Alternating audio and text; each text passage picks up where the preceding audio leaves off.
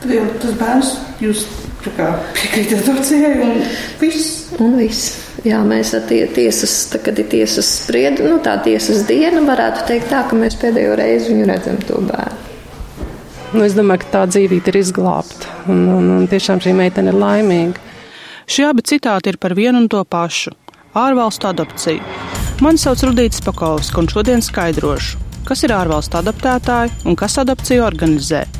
Un pats svarīgākais jautājums - kādēļ Latvijā vispār ir šie uz ārvalstīm adaptējumie bērni, kurus, kā man vienā balsī apgalvo daudzi, Latvijā nevienam nevajagot. Tas bija kaut kad 2000. gadu sākumā, kad Mani draugi, amerikāņi, griezās pie maniem un teica, ka viņiem ir pazīstama ģimene, kas vēlas adoptēt, adoptēt bērnu. Palūdza, vai es varētu viņiem palīdzēt. Sākumā Runātājs ir Gatis Senkāns, viens no juristiem, kas organizē bērnu adopciju uz Ameriku. Sākumā atteicies, tad pierunāts. Pēc tam saņēmu jau rekomendācijas no viņiem un atnāca otrā, trešā ģimene. Senkāns gan nesot aktīvākais ārvalstu adopciju veicējs. Un, nu, tādā veidā es tā kā, sāku ar to darboties, bet katrā ziņā esmu veicis, nezinu, varbūt desmit adopcijas, ne vairāk. Daudzkārt aktīvāk ārvalstu adopcijas organizē Dāna Roze. Viņa pārstāv trīs ASV aģentūras un pirms tam bija bērnam TRVT vadītāja. Pati atzīst, vidēji gadā veicot apmēram 20 adopcijas. Kad satieku Rozi Rīgā kādā kafejnīcā, jautāju arī viņai, Kā sākus ar bērnu adopciju uz ārzemēm nodarboties? Nu, tas bija kaut kāds, nezinu, man liekas, kad um, likteņa pirksts. Viņa saka, pašai vēl vadot bērnu namu bijusi negatīva attieksme. Un es teikšu, jums godīgi, man pašai bija ļoti liels stop pret to visu, jo es ar to nebiju saskārsies. Man likās, ka Dievs, kā tad mēs mūsu bērnus laidīsim kaut kur projām. Kā bērnama direktora nokļūs viesprogrammu ASV pilotprojektā, un tad domas mainījušās. Tad mēs ar otru direktoru saskatījāmies un sapratām, ka tas kaut kas ļoti labs priekš bērniem, ka tas nav nekas tāds, ka nabagus vajag te tur verdzībā projām piespiedu kārtā. Tad arī bija jūs pirmā adopcijas lieta. Es sapratu, ka reāli, esot par bērnam direktori, Es varu nodrošināt, lai šis bērns ir paēdis, lai viņš tiek aizlaists skolu. Labākajā variantā gadījumā viņš atnāk arī laikā no skolas, nevis viņš kaut kur jāmeklē un jāķersta. Un, uh, tad, kad pienāk šie 18 gadi, jāsaka, atvaino, bet uz redzēšanos. Nu, es reāli neko nevaru tādu taustām šo bērnu labā izdarīt. Bet, bet no šīs adopcijas man bija tāda sajūta, ka man ir ordenis piešķirams par to, ka es esmu šim vienam bērnam tiešām nodrošinājis to nākotnu un ģimeni. Arī Kristīna Lemantoviča, kurai noslēgta līguma ar astoņām ASV adopcijas aģentūrām, runā par emocijām. Brīnišķīgi. Tas nozīmē, ka man, man būs vēl viens bērniņš, kur fotografijas pielikšu birojā pie sienas, un es varēšu priecāties, jo es varēšu zināt, ka viņš ir atrads māmu un tēti, un māmu un tēti uz mūžu. Cik jums ir tādas fotografijas šobrīd? Pilna sienas? Uh, nu, desmit gadu laikā tāda viena tabelīte, jā, vīra ar smukām bildītēm, jā. Tomēr ārvalstu adopciju organizēšana nebalstās uz emocijām vien. Lielākā daļa juristu, kas organizē ārvalstu adopcijas, strādā kā pašnodarbināts personis, un par biznesa naudas pusi daudz neuzzinās. Izņemot Dainu Rozi. Viņai pieder SIA adopcijas un citi juridiskie pakalpojumi. Šis uzņēmums arī sadarbojoties ar ārvalstu adoptēšanas aģentūrām. Tiesa, uzņēmums papildu adopcijām nodarbojas arī ar vīzu kārtošanu bērniem. Mēs arī tā esam studentu vīzas. Mēs palīdzam arī bērniem, kuri braukšu viesprogrammās un kurus nevar adoptēt, piemēram, vecuma starpības dēļ. Tad viena no iespējām, ko šī ģimene šiem bērniem piedāvā, ir braukt mācīties uz ārzemēm. Un tad mēs šeit palīdzam no šīs puses gatavot arī dokumentus. Gandrīz 175 tūkstoši eiro. Tik pēc Lursava datiem pēdējos piecos gados nopelnījis ārvalstu adopcijas organizējošais uzņēmums. Pērn martā izlemts visu 2016. gada peļņu - 53 tūkstoši eiro - izmaksāt dividendēs. Tās saņēmus uzņēmuma vienīgā īpašniece - Daina Roze. Ņemot vērā visai cienījamo naudu, ko var nopelnīt organizējot ārvalstu adopcijas, jautāju, vai nesajūt konkurentu karsto elpu? Es nezinu, ja kāds ir jāsot, lūdzu, dariet to paši, jo tā ārvalstu adopcija tas nav tikai adopcijas process, jo, lai strādātu, piemēram, to pašu ASV tev ir jāpārzina pilnīgi visa tā puse. Ar Latvijas likumu zināšanu nepietiekot, jo reizēm nāks arī ASV pusē diktēt, kā rīkoties. Un tāpēc, ja kāds uztrauc par to, cik mēs saņemam, es domāju, ka mēs esam, esam tiešām arī kompetenti šo darbu darīt. To nevar darīt jebkurš katrs, ja tu neesi tā ļoti padziļināto studējis, iepazinis un sapratis, kāds darbojas. Jums šobrīd ir tāda, nu, pēc savas pieredzes, ka jūs saprotat, kā sistēma darbojas. Jā, man ir skaidrība. Par to, cik ārvalstu adopcijās nopelnījuši citi juristi, kas varbūt sistēmu nepārzina tik labi kā Daina Roze, grūti spriest, jo informācija nav pieejama. Bet ārvalstu adoptētājiem šis process izmaksājot aptuveni 30 tūkstošus eiro. Jāmaksā ASV aģentūrai par tulkošanu, juristiem. Liela daļa izdevumu esot braucienu uz Latviju un dzīvošanas izmaksas šeit. Kas ir šie adoptētāji? kas liek cilvēkam ceļot tūkstošiem kilometru, šķērsot okeānu, maksāt visai ievērojamas summas, lai adoptētu Latvijas bērnus.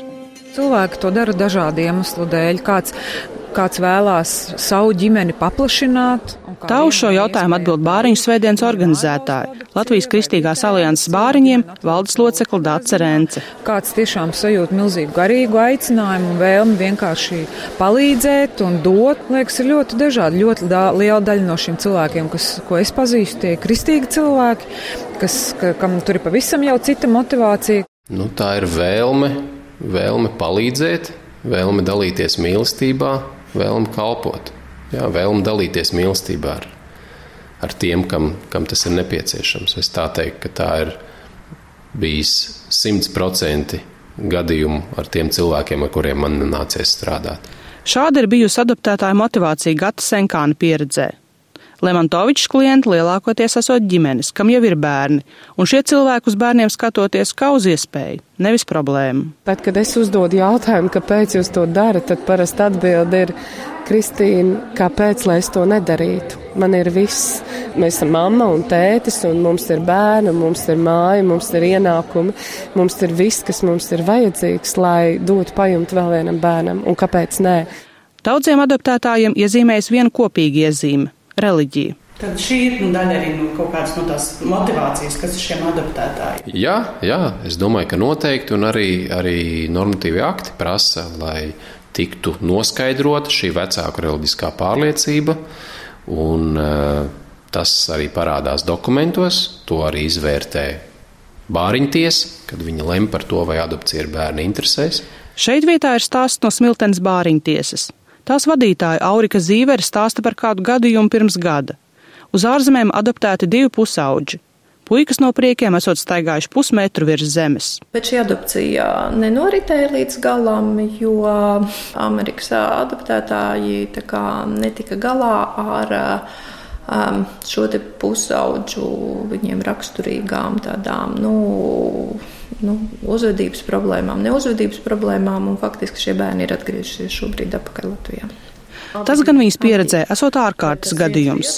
Zīvere uzskata, ka ģimene nesot bijusi gatava uzņemt bērnus, kas cietuši no vardarbības.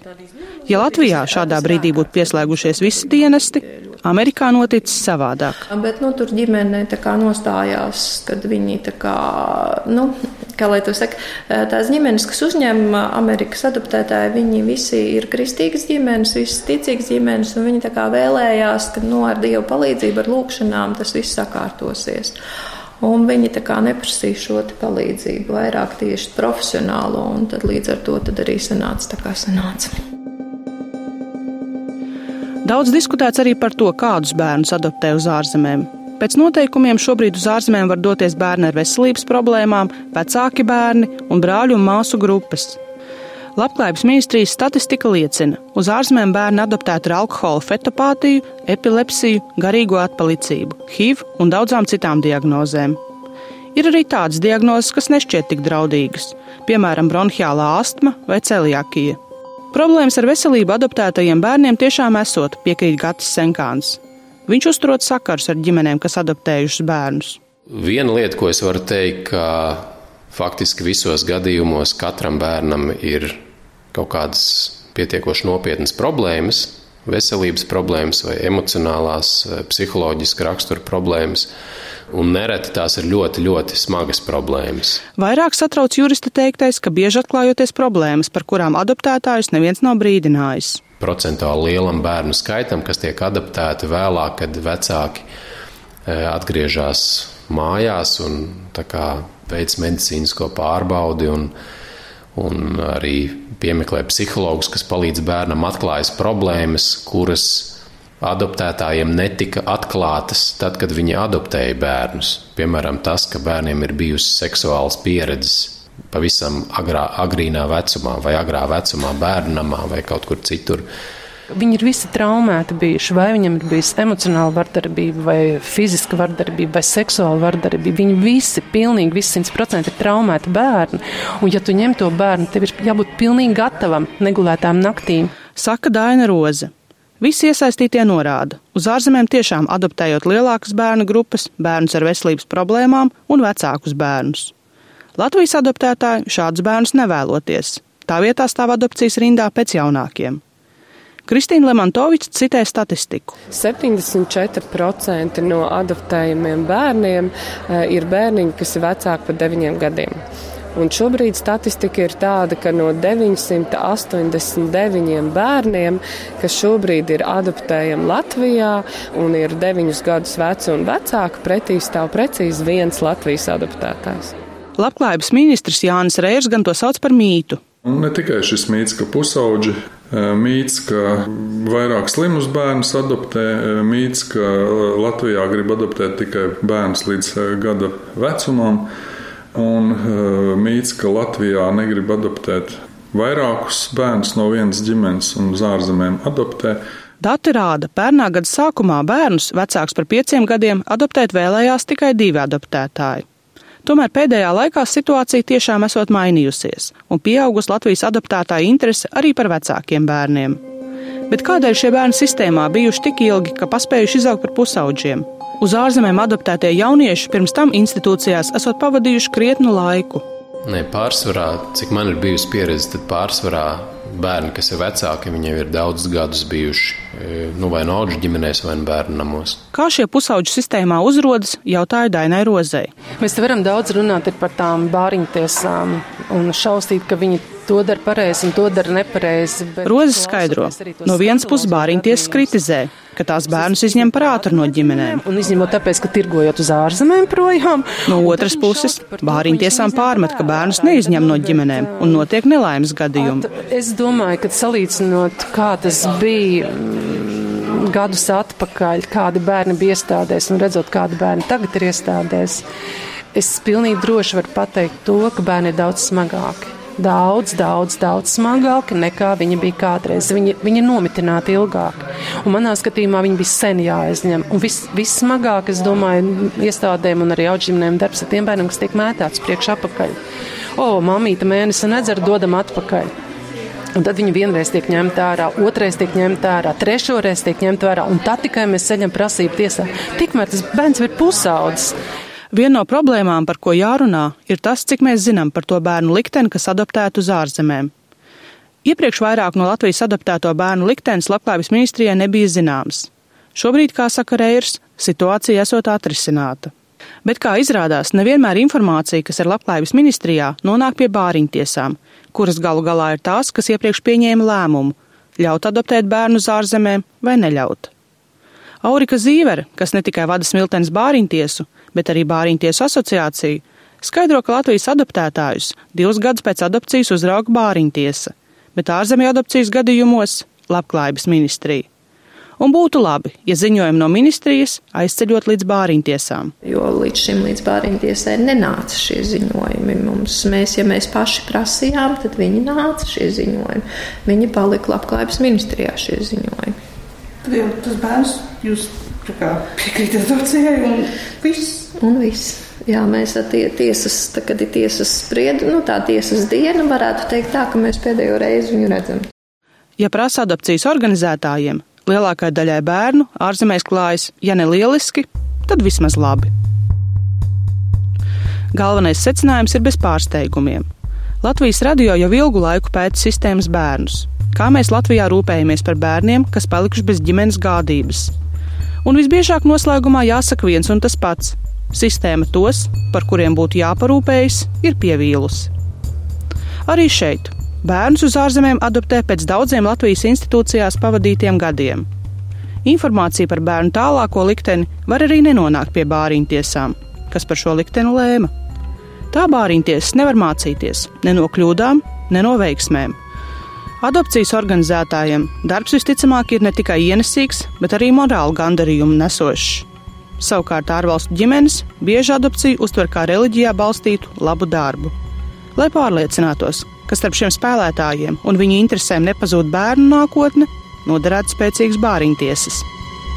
Raidījumu sagatavoja Rudīts Pakovska un Kaspars Groskops.